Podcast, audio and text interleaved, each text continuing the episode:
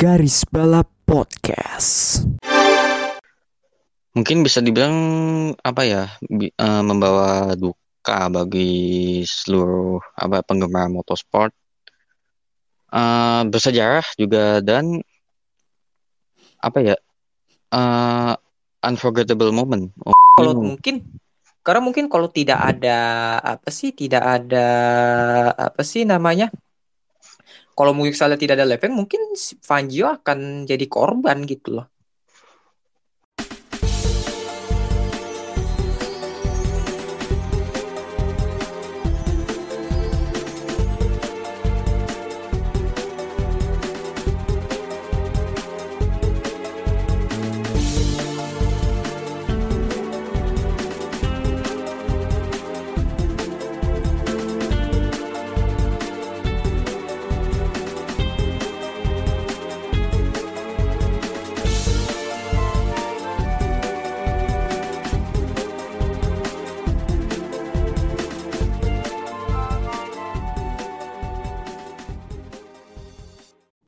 ya kembali lagi di garis bal bersama double test driver andalan Anda. Gua bagus.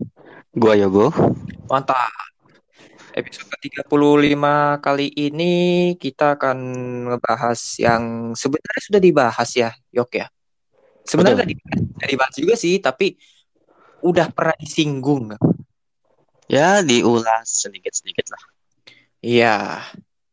Yang di Tapi episode Shithouser.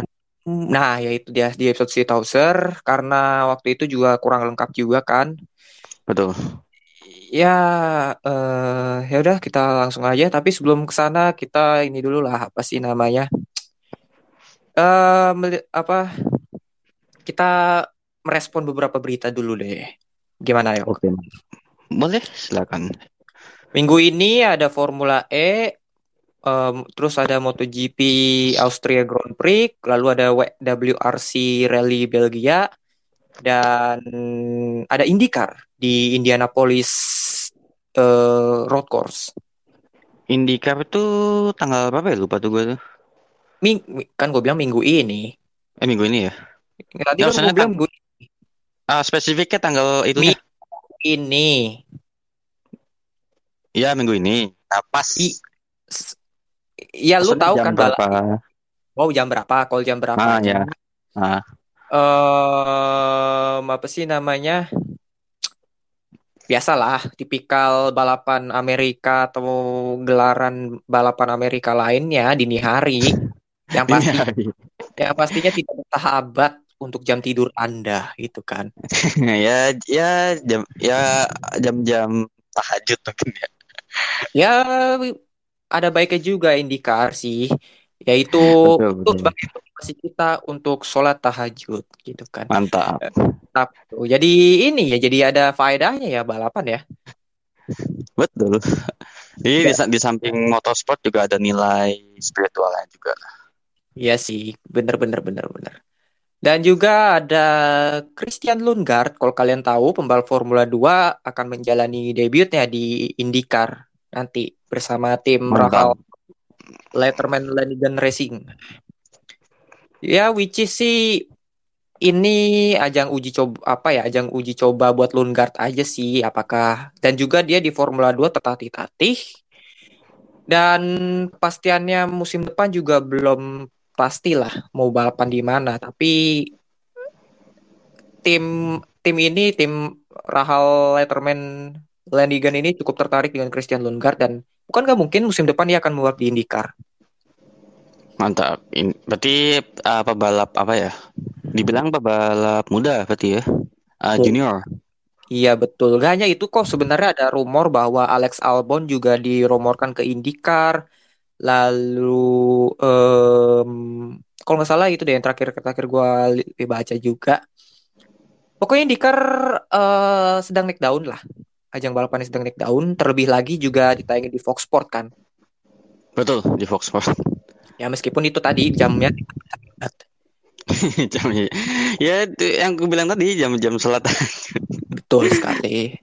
Eh, dan juga ada kabar mengejutkan di dunia MotoGP yaitu Maverick Vinales tidak ikut balapan. Suspend Waduh. sama Yamaha. Waduh, suspend. Karena Kenapa tuh suspendnya tuh? dia itu diketahui eh, menyabotase motornya sendiri. Menyabotase motornya sendiri. Ah, berarti bisa dibilang eh, dipretelin gitu ya. Eh, sebenarnya nggak dipretelin juga, tapi dia tuh menyabotase dengan cara berniat untuk menghancurkan motornya sendiri. Karena pada balapan Oh, itu terlihat tertangkap kamera on board dan tertangkap beberapa orang yang di sirkuit yang bekerja yang bekerja termasuk beberapa fotografi di sirkuit itu. Eh, mereka melihat bahwa si Maverick Vinales ini kan pada saat periode final lap balapan selesai dan dia tidak dan dia memutuskan untuk tidak masuk pit, ya kan? Tidak masuk betul. pit. Pada saat masuki pit dia meng- diketahui menggeber-geber motornya beberapa kali pada saat berjalan di pit Menggeber-geber. Oh, iya iya. Karena tetangga gua. ya menggeber-geber karena ya dengan ada yang bilang ya dengan niat untuk membuat motornya kabum. Ngerti kan maksud gua? Ngerti ngerti. Ya pokoknya merus berniat untuk merusak motornya sendiri dengan nancap-nancap gas, geber-geber-geber sampai high revs banget sampai bener-bener di speedometernya itu sampai jarum jamnya itu mengarah ke yang merah-merah berkali-kali dan akhirnya disuspend oleh Yamaha. Tapi emang tapi emang kayaknya udah kelihatan ya Vinales sama Yamaha ini udah nggak akur. Ya nggak sih? Udah udah ada tanda-tanda kalau Vinales bakal ini bakal out nih. Ya sebenarnya udah udah diberitahu, Weh, udah udah apa udah udah resmi Vinales nggak akan balapan di musim depan sama Yamaha. Dan Hmm. dan dia kelihatan bahwa terutama di Asen ketika Vinales finish peringkat dua kalau nggak salah. Pada saat di, di- pada dia ngeraih podium dan dia terlihat nggak happy di situ. Terlihat kayak seakan-akan memojokkan diri dari lingkungan timnya gitu loh Iya iya. dia mukanya kelihatan kesal dan apa ya kita nggak tahu penyebabnya apa kenapa dia melakukan seperti itu yang pasti sih ini cukup eh membahayakan karir ya karena dia pengen dia tuh melakukan seperti itu ada yang bilang bahwa ya dia pengen keluar keluar dari Yamaha secepatnya sementara dia dirumorin ke Aprilia Waduh. Tapi- Aprilia.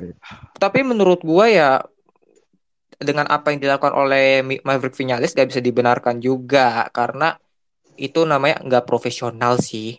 Iya. akhirnya dia dan eh, nggak tahu nih kelanjutannya dengan Yamaha seperti apa. Tapi bukan nggak mungkin sih akan putus di tengah jalan. Alias dia depak lebih awal. Berarti um, intinya ya out gitu kan, out from Yamaha kan? Bisa jadi, bisa jadi lebih awal di pertengahan musim, nggak sampai lanjut akhir musim gitu. Ya mungkin itu aja sih beberapa berita motorsport yang tengah hangat ini. Sayang sekali ya Vinales melakukan tindakan seperti itu ya. Ya kalau menurut lu gimana sih dengan kenapa kenapa Vinales melakukan hal seperti itu gitu loh? Kalau dari Ya seperti pandangan. kalau gue ya sama sih, gue juga sependapat sih. Ada gesekan antara Vinales sama Yamaha. Hmm, Ya seperti yang gue bilang tadi, ah, pertanda bahwa Vinales akan maksudnya akan out from Yamaha gitu. Udah nggak Iya, ya gampang gampangnya sih kayak kayak Messi lah waktu di Barca ternyata gimana sih? Apa sebelum out from Barca kan ada apa sih ada kayak gesekan-gesekan kecil kan? Ya sama, Iya. gue lihat di Vinales juga seperti itu. Hmm, tapi sih yang Messi ini yang baru-baru ini kan Messi sama Barcelona udah udah setuju sebenarnya, cuma karena regulasi aja, regulasi liga yang apa namanya yang ibarat kayak FFP lah, kayak financial Iya. fair play, sementara Barcelona tidak bisa eh mendaftar di administrasi dari La Liga Hmm. gitu. Iya, iya. Itu penyebabnya. Tapi ya emang sih pada zamannya si Bartomeu kan manajemennya dahulu kan emang banyak gesrekan emang. Tapi kalau sekarang mah. Kayaknya nggak nggak nggak nggak gitu ah gitu loh. Itu cuma masalah per- persoalan regulasi aja. Tapi kalau untuk yang Vinales ini emang udah kelihatan dari Asen kelihatan si Vinales ini nggak happy dan kelihatan bete banget mukanya. Iya. Yang gue bingung sih waktu di podium sih, padahal podium berapa? Juara Iya, nggak juara. Kalau nggak salah Quartararo yang menang. Iya, tahu ya. Enggak maksudnya indi intinya podium kan. Cuman biasa kan kalau di podium kan biasa kan orang kalau kalau di podium kan apa ya? Ini kan ya happy gitu ya. Ini kok kayak Iya. biasa-biasa aja gitu. Iya, benar benar benar benar benar. Kayak bia- apa apalagi dia performanya cukup bagus gitu loh. Dan juga ya nggak bisa dibenarkan juga lagi-lagi Vinales melakukan seperti itu. Ehm, kita lihat kelanjutannya kayak apa. Tapi menurut gua sih Vinales ini ditenggarai karena mungkin ya mungkin Yamaha menganak emaskan Fabio. Karena Hmm, bisa kita jadi, seperti yang kita tahu lah, eh, Vinales ini kan eh apa ya punya misi lah di Yamaha yaitu menjadi penantang title MotoGP gitu kan. Apalagi setelah keluarnya Rossi kan dari Yamaha dan Betul. dia yang istilahnya bisalah yang diutamakan. Tapi Fabio datang dan tahu-tahu sebagus itu ya membuat kayaknya Vinales gerah gitu. Itu Hmm, betul betul. mungkin ya. Ya ini sih kalau menurut gue sih eh pem- hubungan pembalap sama eh, tim sih pasti ada gesrek-gesreknya ya, ada masalahnya lah ya. Cuma Betul. menurut gua eh, tergantung bagaimana tim sama apa ya tergantung masing-masing pihak eh, menanggapinya seperti apa dan bertindaknya seperti apa. Tapi menurut gua di kasus ini Vinales maupun Yamaha kayak nggak ada yang istilahnya mau mengalah lah gitu loh. Nggak ada yang Iya. mau kayak ajak salah satu pihak gak ada yang mau ngajak musyawarah atau gimana lah, gua nggak ngerti juga. Tapi ya itulah, kayaknya sih Yamaha dan Vinales over sih, udah udah berakhir lah. Itu berakhir ya. Hmm. Oke, tapi itu aja mungkin berita-beritanya sebelum masuk ke pembahasan utama ya. Di garis balap eh, waktu itu di Twitter sempat ngadain kayak ini challenge kecil-kecilan. Challenge kecil-kecilan kayak kan seperti yang kita tahu lah eh 24 Hours of Le Mans dikit lagi muncul kan? Bukan muncul sih. Apa sih namanya? Dimulai Bergulir.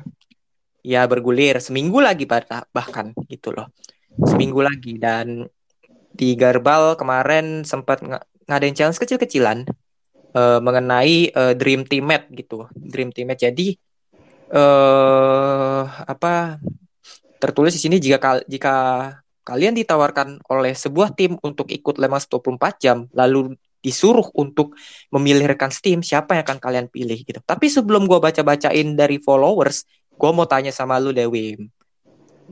Eh kalau lu ditawarin nih, ditawarin untuk ikut Le Mans, tapi lu Betul. disuruh untuk memilih rekan setim. Dua dua Betul. rekan setim. Betul. Lu pilih siapa? Dari Ini ajang dari, dari ajang mana aja? Dari zaman mana aja? Pokoknya oh berarti bebas kan? bebas bebas. Hmm, kalau untuk kasus ini sih ya mungkin Hai. Lord sih. Lord Hah? siapa? Ya siapa lagi Lord? Lord the Key of Century di Oh, F1 kemarin. Oh, Nah, oh Alonso. Lu kan Lord kan ada Rahunatan, ada siapa lagi tuh? Banyak macam-macam Lord di balapan gitu. Oh, ternyata Alonso iya. Oke, salah Betul, satu lagi. Yok, salah satu lagi. eh, satu lagi selain Alonso siapa ya setelah gitu? Eh, mungkin Kobayashi sih. Kami Oh, Kobayashi. Kobayashi ya. Iya. Oke. Cukup cukup masuk akal lah ya. Wah, sekarang kita eh, baca-bacain dulu dah. Yang pertama dari teman kita nih. Teman kita kebetulan ngebales dari F1 Speed Indonesia adminnya eh, mengatakan bahwa dia memilih Tom Christensen dan Andrea Andrea Andre Lotterer. Gak ada Andrea di sini. Em, menurut gua eh, Tom Christensen dan Andre Lotterer juara Le Mans gitu kan. Terus ada dari At My Seven Imagine. Ini ini cukup unik sih. Dia memilih Raghunathan dan Mazepin Ya supaya Allah. jadi tim paling ditakuti seluruh grid. Toh gue juga kesemprot duit sponsoran mereka hehehe Ragunatan dan Mazepin dede, dede. Ya, mungkin gini ya, mungkin gini ya. Kalau mungkin kita ambil positif thinkingnya aja. Mungkin uh, Doi lihat Ragunatan di 2016 juara Auto GP sama di du- 2017 juara, juara Bos GP. Mungkin itu kali yang jadi patokan ya. ya nggak nggak hanya patok nggak hanya patokan itu juga Ragunatan kan seperti yang kita tahu lah tahu apa kemarin tuh sempet dia tes Alfa sama Alfa Romeo gitu loh yang menjadi permasalahan dari mana dia bisa bisa ngelobi Alfa Romeo pasti kan ada duit di situ Oh, money, money. Ya. Iya, ya makanya Ragunatan Ragunatan kan pembalap out of nowhere gitu tahu-tahu di Formula 2 gitu kan tahun 2019 dan tahu-tahu Iya. tahun ini bisa ngetes sama Alfa Romeo gitu kan Ya, di nggak Hungaria. menutup kemungkinan, nggak menutup kemungkinan 2022 atau 2023 ke F1 gitu loh. Oh. Antonio Giovinazzi sama Raikkonen ketar-ketir. Nah.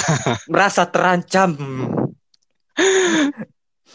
ya soalnya ya kali lu nerima apa ya nolak apa Ragunatan gitu ntar kena kena kutukan si Alfa Romeo gitu kena gendam yang ada Iya. terus ada dari aduh ini kok keblok semua ada dari ini apa salah satu jurnalis jurnalis motorsport.com Indonesia Mbak Ade Ya. Sherazade Mulia Saraswati. Dia memilih Rio Haryanto dan Sean Gelael karena sering dibandingkan satu sama lain. Ya sudah jadikan saja rekan setim. Hehe. Menurut lu gimana sih? Kayak pasangan yang ideal nih Haryanto sama Gelael sih. Ideal, ideal, ideal. iya. Eh, apa ya? Duo apa ya? Duo kebanggaan Indonesia. Iya, dan juga Arianto ini ya sega- segi teknis tuh kelihatan banget dia tuh bisa gitu. Sementara Gelael dia cukup perform di endurance. Ya, why not sih? Ini dream team banget kalau menurut gua ya. Dream team untuk Indonesia gitu kan. Haryanto Gelael ya berarti. Betul Hmm, sekali. Terus Kalau kemarin tuh, kalau kemarin tuh yang apa tuh yang urusan dapat emas Olimpiade siapa tuh Gracia Poli sama Feani Rahayu. Nah ini sekarang di ajang ini nih Rio Haryanto dengan Sean Gelael. ya kayak kayaknya bakal seru tuh kalau misalnya kejadian gitu loh. Gak ada nggak mungkin. Terus ada Enggak, lu ngomong apa? Enggak, enggak lanjut lanjut. Eh, terus ada at underscore double underscore Iqbal yang mengungkapkan bahwa Kevin Magnussen dan Nico Hulkenberg dia memilih Kevin Magnussen dan Nico Hulkenberg karena suck my balls. Jadi gini bagi kalian yang nggak tahu, eh, maksudnya itu eh, di kita flashback ke Hungaria 2017. Pada saat itu Kevin Magnussen sama Hulkenberg sempat eh terlibat satu battle sem- sempat apa memperebutkan posisi di Hungaria 2017. Nah, terus eh si Hulkenberg tidak impress dengan gaya membalapnya Magnussen. Hingga akhirnya pada saat di sesi apa sih interview setelah balapan, si Hulkenberg menghampiri Magnussen dan berkata bahwa apa sih namanya? Berkata bahwa eh apa ini kayak sarkas sih kayak sarkas kayak eh tadi balapan yang bagus balapan yang bagus balapan yang bersih gitu loh. Dia bilang gitu Hulkenberg kurang lebih. Gue lupa bahasa Inggrisnya dia bilang apa. Terus Kevin Magnussen bilang suck my balls. Yang artinya ya ya arti lainnya persetan lah gitu loh dengan lu gitu loh. Hmm. paham kan maksud gua? Paham, paham, paham. ya kurang lebih gitulah Nah, makanya dia memilih Kevin Magnussen dan Nico Hulkenberg. Tapi ada jawaban yang di, di luar itu semua, ada yang jawabannya out of the box. Datang dari at win underscore 517. Dia bilang eh, soal apa nih Dream Team Lemangsnya, dia bilang siapa saja yang penting mau ngajarin saya nyetir mobil. Siapa saja yang penting mau ngajarin saya nyetir mobil. Iya, Gua bisa. sebenarnya nggak salah sih sebenarnya sih karena kalau Iya. lu ikut Le Mans lu nggak bisa nyetir mobil sama aja bohong dong kan Iya, ya bener sih tapi itu Iya. out of out of the box sekali loh bener loh bener loh Apa siapa tahu kan siapa Ah. tahu kan kita yang ditawarin Le Mans belum bisa nyetir mobil balap kan iya betul.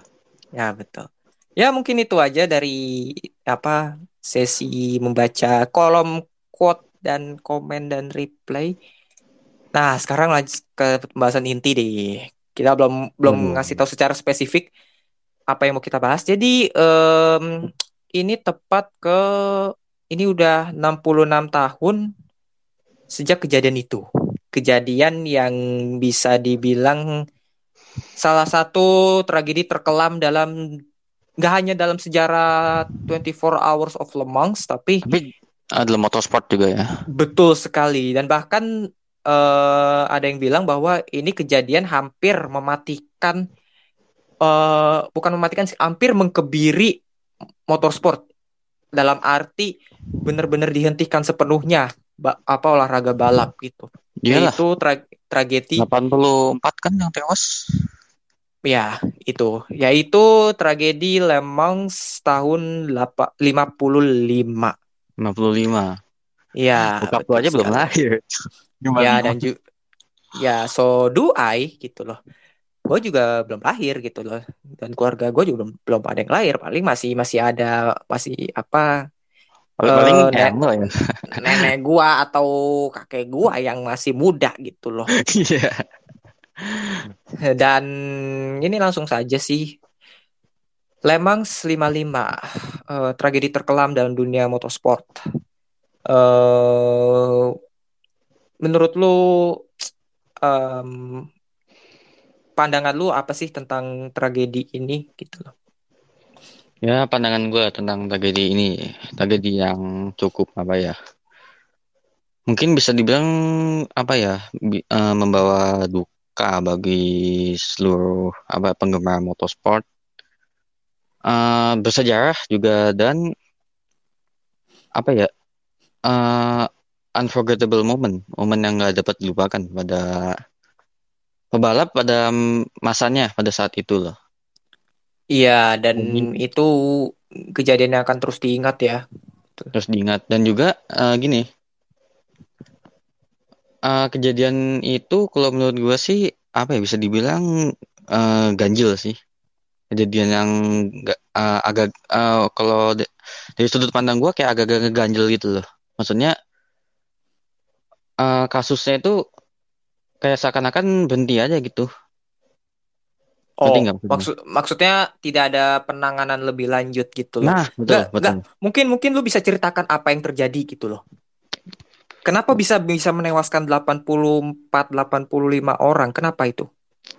Ya, seperti yang kita bahas yang waktu di episode Shithouser, yang pada saat McHoughton kan berhenti tuh di sisi kanan track di depan pe- pebalap Austin, pebalap Austin, Lance, Lance McLean, dan mulai melakukan pengereman untuk pitnya berhenti ya. Iya, dia itu ya melambatkan mobilnya sih, bukan memberhentikan sih, melambatkan mobilnya untuk masuk ke pit. Seperti yang kita tahu kan waktu itu belum ada tembok pit kan. Jadi Betul, pit betul. sama jalan tuh masih pit sama track tuh masih nyambung gitu loh. Meskipun udah ada garis-garis pitnya ya, tapi masih sangat berdekatan gitu loh. Lanjut. Betul. Nah, terus pada apa tuh? Mulai ah, berhenti. Nah, si McLean ini kan dia belok keluar kan ya? Belok keluar Iya, dari betul. belakang apa tuh Jaguar yang melambat ke jalur left wing. Ah, bacaannya Hmm. gimana sih? Eh, jangan left wing. Left. Gitu lah pokoknya. Ya, pokoknya itulah. Yang lewat di sebelah kirinya apa di sebelah kiri dengan lebih cepat ah, lebih cepat elektron ya. Elektron berbodi magnesium alloy Mercedes-Benz 300 SLR gitu loh. Hmm. Terus habis eh, setelah itu Ah. apa sih? Dia apa sih kayak mengangkat McLean dengan kecepatan tinggi, melewati mobil McLean dan meluncur meluncurkan mobilnya sendiri ke udara. Jadi seakan-akan kayak eh, bisa dibi ah, mungkin bisa dibilang kasusnya kayak yang Final Destination yang di sirkuit adalah eh, episode yang di sirkuit itu mungkin ya lebih tepatnya ya. Kan dia kan Hmm, itu Final Destination berapa ya? Gue lupa deh.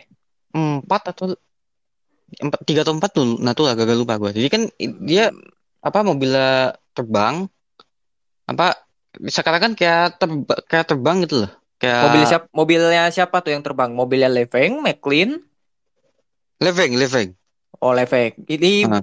Memperjelas aja ya, soalnya tadi masih ambigu. Oh, ini loh. Iya. Lanjut. Karena Mobil menyenggol Leveng. mobilnya McLean kan? iya betul Betul ya. nah mobil living melompat tank pelindung pada kecepatan 200 km per jam berarti Hmm. 125 mph dan membuat membuat setidaknya dua benturan di dalam area penonton Hmm. Berarti, berarti gini, berarti gini. Lap terbang sampai berapa tadi 200 km per jam nabrak ke area penonton. Langsung lah. Iya, langsung ke area penonton dan sempat meledak ya mobilnya ya. meledak, meledak gitu. Dan Leveng sendiri sempat ter eh, aduh ini agak eks, apa eksplisit sih kalau kita ini sih. Eh mobilnya Leveng terbang eh, dan Levengnya sini terlempar keluar ter- keluar dari mobil dan Iya, iya. sempat dan dia mengalami cedera beberapa cedera parah karena benturan dengan eh, tanah ya. Iya. Hmm. Eh, mungkin mungkin kalau untuk lebih jelasnya lagi ya, mungkin eh, kalau ada eh, bisa di itu dengan diagram atau itu mungkin bakal lebih itu ya, bakal lebih apa sih? Lebih mudah untuk ini loh untuk memperjelasnya. So- Soalnya Hmm. itu apa ya? eh kalau gue lihat sih dari segi siapa yang salah, itu soalnya gue bacanya juga ada beberapa versi gitu loh.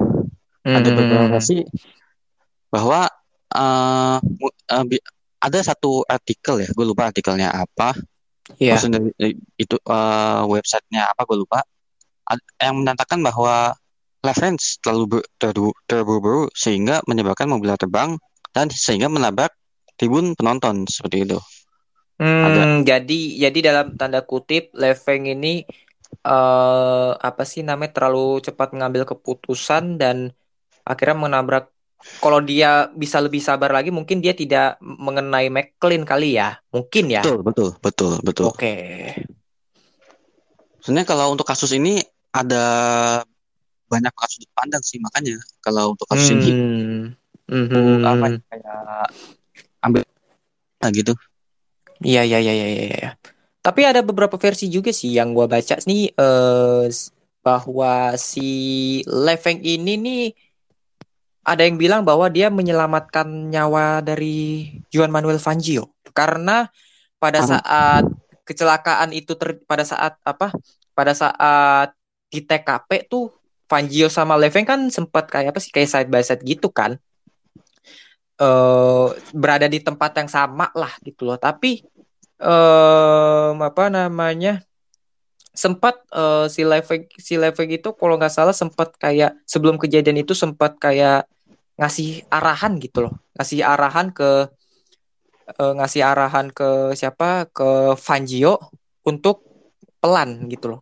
Ngasih arahannya dalam bentuk apa? Dalam bentuk eh, kayak apa sih namanya? Kayak simbol-simbol tangan gitulah pokoknya Ah, berarti kayak lebih kayak ke isyarat gitu ya. ya isyarat gitu loh kayak istilahnya ya jangan-jangan apa namanya jangan nyalip jangan nyalip kurang lebih begitu sih kalau yang gua baca-baca gitu Nah, berarti ah, si apa ya ibaratnya si Lev Leverk ini kayak ah, bisa dibilang mm, pahlawan gitu ya. Iya pahlawan untuk eh, Juan Manuel Fangio. Karena kalau mungkin karena mungkin kalau tidak ada apa sih tidak ada apa sih namanya kalau mungkin misalnya tidak ada Leveng mungkin Fangio akan jadi korban gitu loh. Nah ini nih. Berarti Uh, though Le- Leveng was killed, he may save life of five-time Formula One world champion Fangio, who maintained that a hand signal from Leveng to slow down a moment before he struck McLean's car was the deliberate warning that he had saved Fangio's life. Jadi kayak eh me- apa sih si Leveng ini sebelum kejadian itu kayak mengisyaratkan untuk eh Fangio untuk slow down, slow down gitu. Dan akhirnya si Leveng yang kena gitu.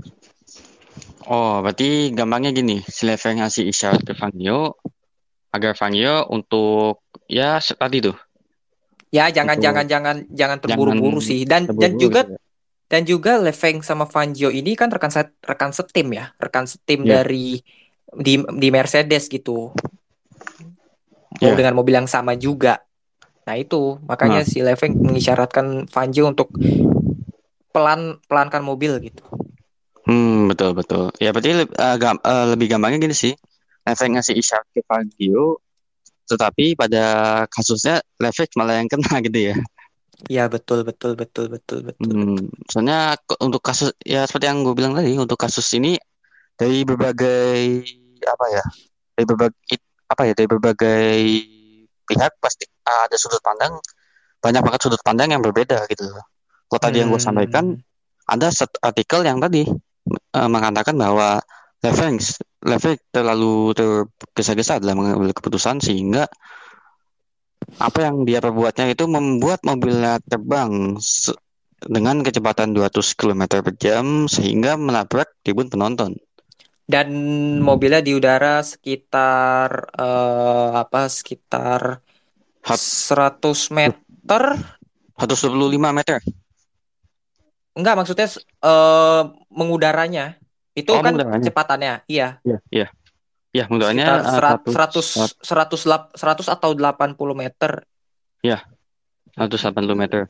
dan Leveng terhempas dari mobilnya dan eh sebenarnya sih cukup cukup diceritakan ini cukup cukup eksplisit ya karena banyak bener-bener tragedi yang bener-bener sangat memilukan. Bahkan ini eh menurut salah satu kontestan di 24 Hour Le Mans saat itu, pembalap salah satu pembalap Jaguar namanya Duncan Hamilton Ya. mengatakan bahwa pemandangan di seberang jalan tak terlukiskan. Yang mati dan sekarat ada di mana-mana. Tangisan, kesakitan, kesedihan, dan keputusasaan menjerit malapetaka. Aku berdiri seperti dalam mimpi, terlalu ngeri dalam bahkan untuk dipik apa ya untuk dipikirkan. Dan dan da- dan kan Hamilton tuh dia dia dia lagi di di pit kayak istilahnya nunggu giliran dia dan dia menyaksikan kecelakaan itu gitu. betul betul. Berarti bisa lebih uh, bisa dibilang lebih kayak ke peperangan gitu ya. Ya Mayat bertebaran. Iya mayat bertebaran dan segala macam gitu kan dan Sebenarnya yang gue lihat di dokumenter di dokumenternya juga seperti itu. Seperti ya, apa yang dikatakan dan Hamilton tadi. iya dan dan kan Hamilton gak ada kaitannya sama Lewis Hamilton ya beda orang. Jadi ya tapi Ya, ya, beda banget, beda ya tapi ya aduh gimana ya? Eh ya lu bayangin aja lah lu mobil terhempas ke beberapa kerumunan gitu kan. Iya. menabrak apa ya menabrakkan apa nama mobil tersebut terhempas mengha- menghantam beberapa penonton yang sedang menonton gitu kan Betul, betul. yang tadinya hiburan malah jadi pertunjukan horor ini sih Iya, lebih ke apa ya? Ke creepy sih sendiri kalau gue itu. Karena kalau gue inget-inget lah, maksudnya gue ulang-ulang lagi nontonnya masih merinding nih sampai sekarang. Jujur aja. iya dan juga bara apa namanya mobilnya si Leveng mele- meledak pada saat menghantam tanah gitu kan dan Iya. terbakar menghabisi Iya. setidaknya 84 penonton dan 120 lainnya luka-luka. Iya, betul. Mungkin kalau untuk ilustrasinya, kalau untuk uh, buat pendengar ini, untuk- ilustrasinya ya bayangkan aja gini. Ada ini ada kerumunan nih. Ada Hmm. kerumunan, tiba-tiba ada suatu rudal menembak kerumunan itu sehingga menyebabkan lah gimana meledak gitu. Nah, ini seperti itu. Ilustrasinya seperti itu. Hmm. Dan ada rudalnya di ini rudalnya diganti sama mobilnya Levens gitu. Iya, iya, iya, iya, iya, iya. Dan apa namanya pada saat pada saat pada saat itu Hawthorne aktor yang menyebabkan itu terjadi telah apa telah berhenti pit dan dia segera diperintahkan oleh timnya untuk ma- masuk kembali dan melakukan putaran lain, melakukan lap lagi untuk melepaskan diri dari kebingungan dan kebayaan total. Ketika dia berhenti di lap berikutnya, dia berhuyung-huyung keluar dari mobil sepenuhnya putus asa, bersikuku bahwa dia telah menyebabkan malapetaka. Ivor Bueb dan Norman Lewis keduanya debutan Le Mans harus masuk ke mobil masing-masing untuk menjalankan tugas pengemudi pertama mereka. Bueb khususnya sang- sangat enggan, tetapi mengingat kondisi Houghton tidak punya pilihan, seperti yang dengan tegas Lewis tunjukkan padanya. Jadi Yvonne Bueb ini salah satu apa bukan salah satu sih dia eh, partner semobilnya Hawthorne. Sebenarnya dia nggak mau gitu, tapi Hawthorne-nya sedang dalam kebingungan gitu kan, sedang kayak merasa dirinya bersalah gitu. Ya Ya. akhirnya ya ya udahlah gua balap dah gitu loh. Co-drivernya eh, Levek yaitu John Fitz dari Amerika sebenarnya sudah siap untuk mengambil alih mobil di pit stop kan yang Iya. yang akan datang dan dan bahkan dia dia dia bis, dia udah bersiap untuk mengam, apa mengambil giliran gitu. Levek udah gil, apa stand-nya udah selesai gitu udah. Betul. Tapi tahu-tahu ada malapetaka seperti itu dan apa saat itu Levek dan bersa enggak dan itu saat itu si John Fitz dan John Fitz waktu itu di pit bersama bersama ini ya bers- bersama apa sih namanya bersama istrinya Levek. Jadi cerita gini, si John Fitz ini salah satu rekan apa adalah rekan semobilnya Levek dan dia pada saat kejadian itu bahkan si Fitz pun bahkan sampai harus menghubungi keluarganya di Amerika bahwa yang mengalami kecelakaan insiden itu bukan dirinya. Meskipun itu adalah mo- mobilnya gitu kan. Iya. dia langsung langsung langsung menelpon keluarganya dan juga saat itu pada saat kejadian itu sebenarnya dia sedang bersama istrinya si Fitz ini sedang bersama istrinya Levek sedang kayak bersantai-santai gitu tapi pada saat pada saat itu si Fitz mendengar mereka mendengar sebuah ledakan gitu Iya, dan ledakan. Fitz langsung langsung langsung bilang kepada langsung ke- bilang kepada eh, istrinya Leveng untuk tunggu sebentar gua gua akan lihat apa yang terjadi dan ternyata pada saat dilihat dan bang ya langsung langsung apa pada saat dia kembali ke istrinya Levek dia kembali dengan wajah yang begitu apa ya begitu tidak mengenakan lah dan bahkan dia tidak berniat untuk mengucapkan hal apa yang terjadi gitu namun si Madam Madam Levek istrinya Pierre Levek ini Iya.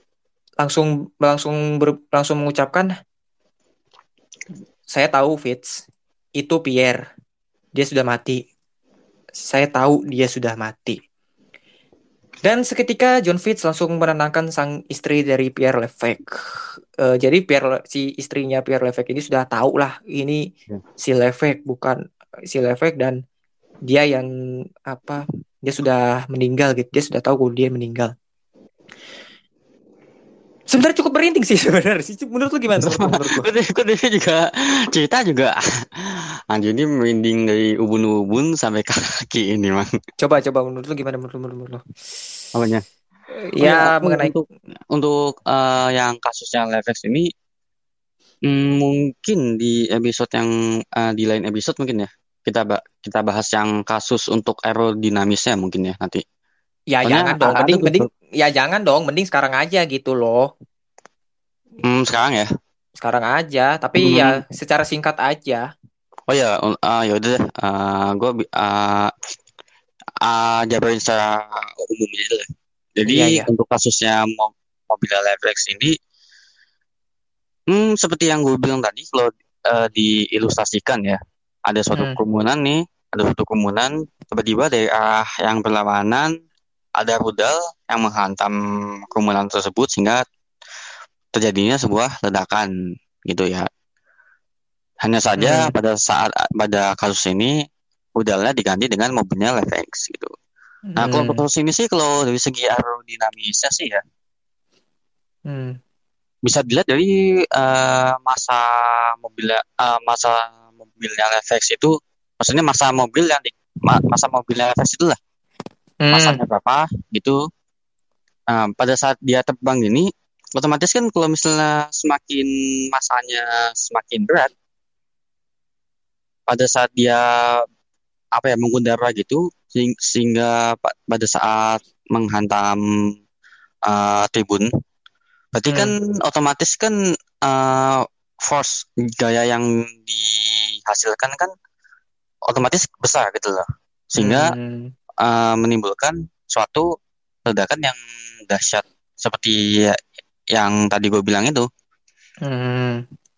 seperti yang di apa yang di dokumenter lah kalau buat pendengar yang sudah pada nonton.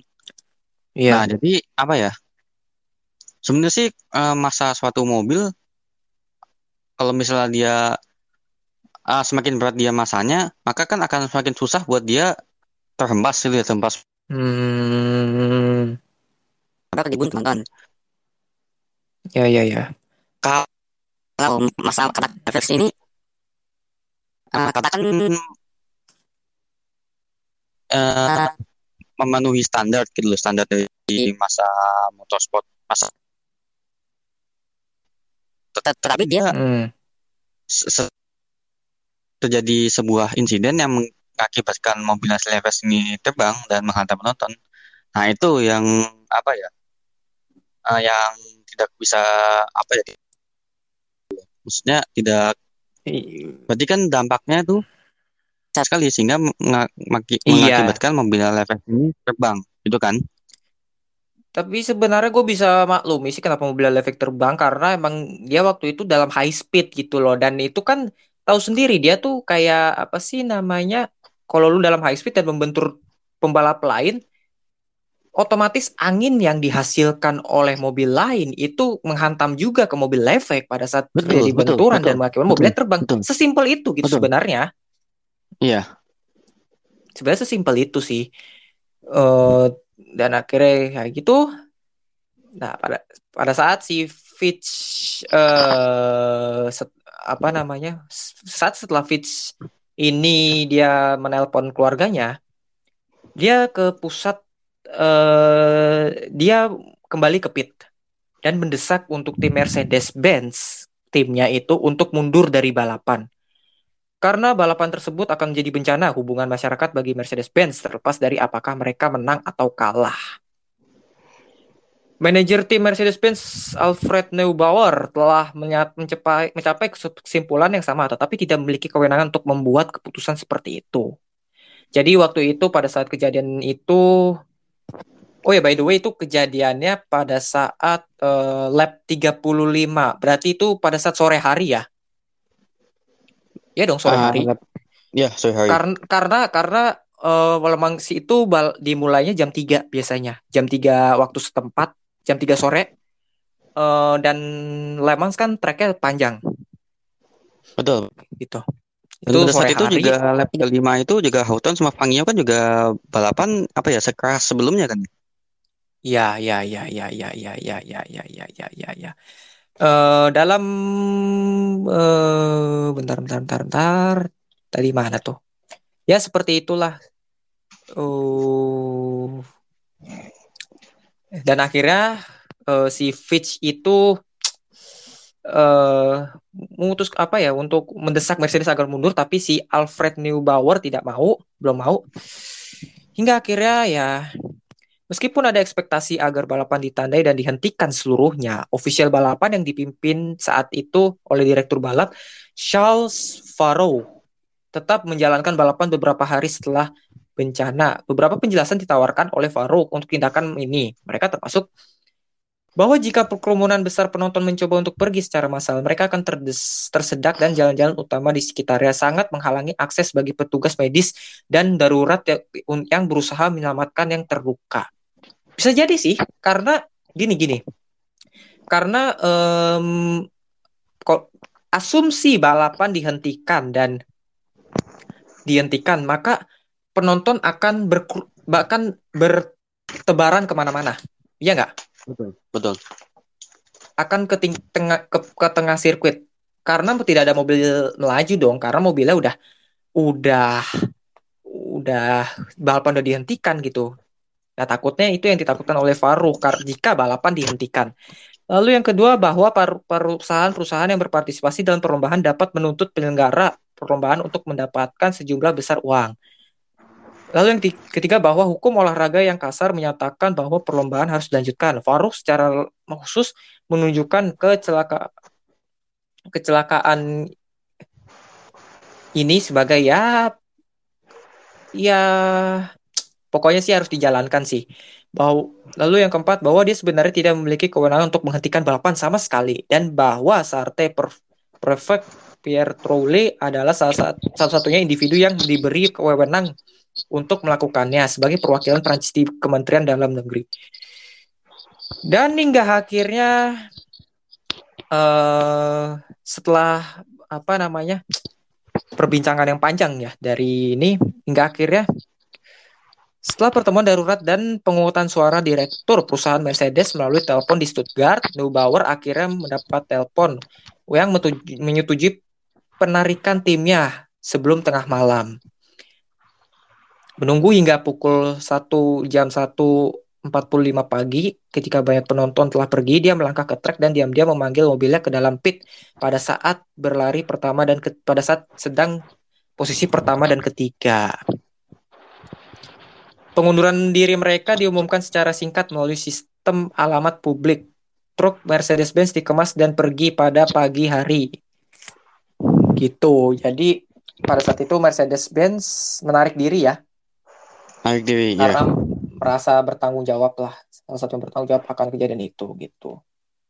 Jadi itu kan kejadiannya kan tahun 1955 ya. Hmm. Nah, untuk apa ya? Mungkin untuk kalau untuk evakuasi eh, ada sedikit apa sih kayak dat gitu loh kayak apa sih ada halangan soalnya kan teknologinya juga belum secanggih sekarang kan terus juga sosmed lu apaan tuh 55 ya enggak Ya ya ya ya ya ya ya ya ya, benar benar benar benar benar. Dan juga ya itu dah apa sih namanya? Em, tadi lu bilang apa tadi? evakuasinya maksudnya Oh evakuasi. Iya soal evakuasi emang peralatan emang waktu itu seadanya gitu nggak kayak sekarang kayak iya apalagi iya kor- maksudnya apalagi korbannya banyak. 84 Iya kan? 84 loh Betul sekali, betul betul betul betul. Bisa bisa bisa bisa terus bisa. juga media maksudnya media apa sih kayak pemberitaan atau apalah gitu kan belum secanggih sekarang gitu loh apalagi zaman dulu ya tahu sendiri kan pasti kan kalau saya ada ke event maksudnya kayak insiden seperti itu pasti Hmm. pertama kali muncul kan di koran kan atau di surat kabar Hmm. Iya iya iya iya iya. Ya. Bener bener bener. Ini pun langsung membludak dan memakan korban banyak dan tapi ada yang menarik nih. Eh tadi mana ya? Mungkin lu bisa lanjut aja melipkan pendapat lu.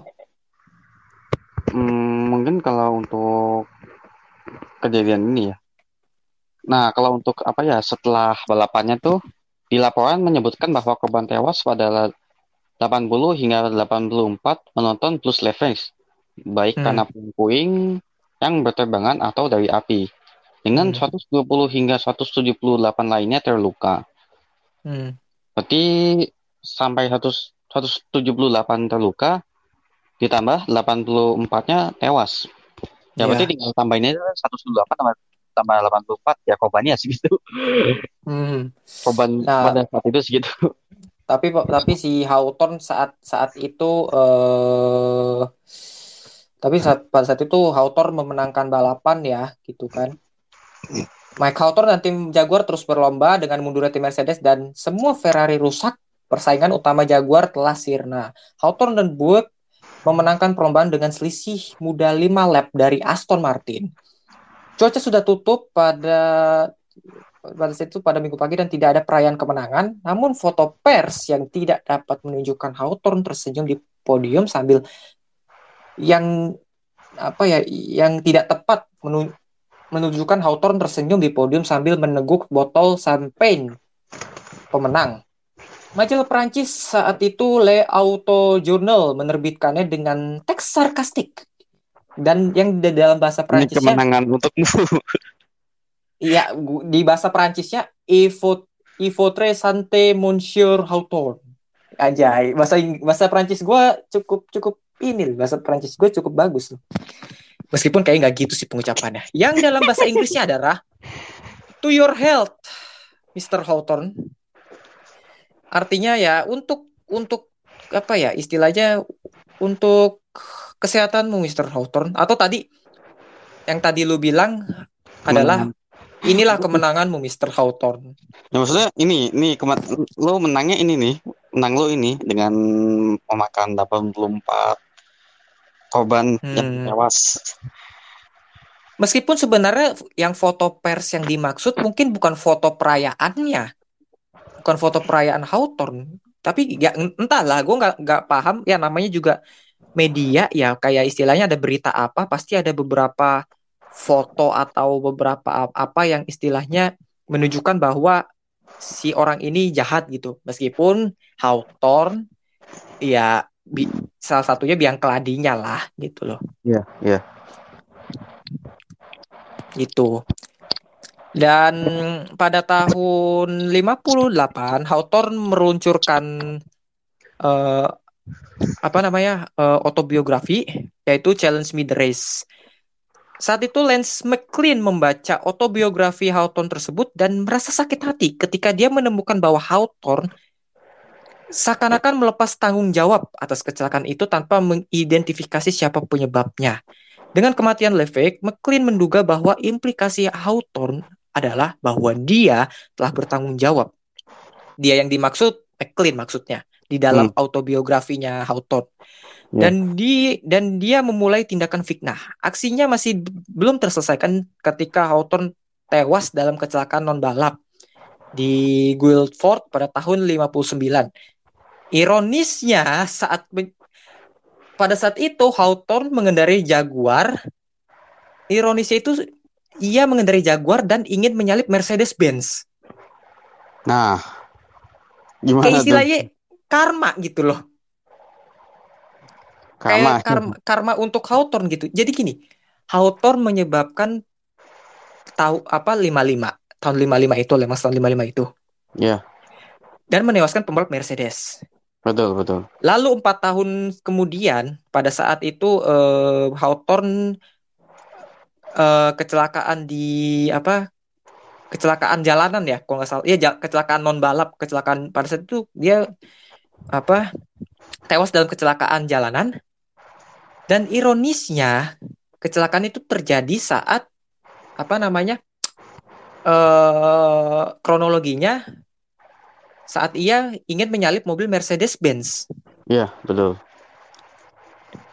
Jadi tapi ya lagi-lagi ini bukan salah McLean dan McLean merasa kayak ini apaan sih kok gue yang disalahkan gitu loh tapi ya lagi-lagi sih namanya orang pasti ada sisi begitunya kan gitu loh terhadap Hawthorne juga gitu loh Eh, mungkin sih kalau apa? Kalau maksud gue, eh, kalau dari sudut mana gue mungkin gini ya. Eh, Hmm. mungkin Hawthorne tahu kalau itu salah dia. Dia yang Hmm. bertanggung jawab gitu. Hmm, hmm. Tapi seakan-akan dia mengeluarkan suatu statement seakan-akan kayak itu salah McLean gitu loh. Padahal ya mung- padahal mungkin dia tidak bermaksud untuk memfitnah McLean, tapi dengan statement dia seperti itu seakan-akan pasti kan eh, banyak pembaca atau media yang menyatakan bahwa itu Mungkin maksud apa Hmm. Ya, dan memang dampaknya juga ke McLean sih dan juga em, setelah balapan ini John Fitz rekan seti- rekan semobilnya Haw- apa Levesque langsung kayak apa sih namanya? langsung bertindak untuk melakukan safety yang apa untuk melakukan improve terhadap safety di dunia balap gitu loh. Terutama di Le Mans dan segala macam. betul eh dan juga karena kecelakaan ini Mercedes memutuskan untuk vakum dari dunia balap dari motorsport selama lebih dari 30 ya lebih dari 30 tahun gitu hingga akhirnya mereka kembali ke Le Mans tahun 89 bersama Mercedes Mercedes Sauber gitu. Betul betul. 8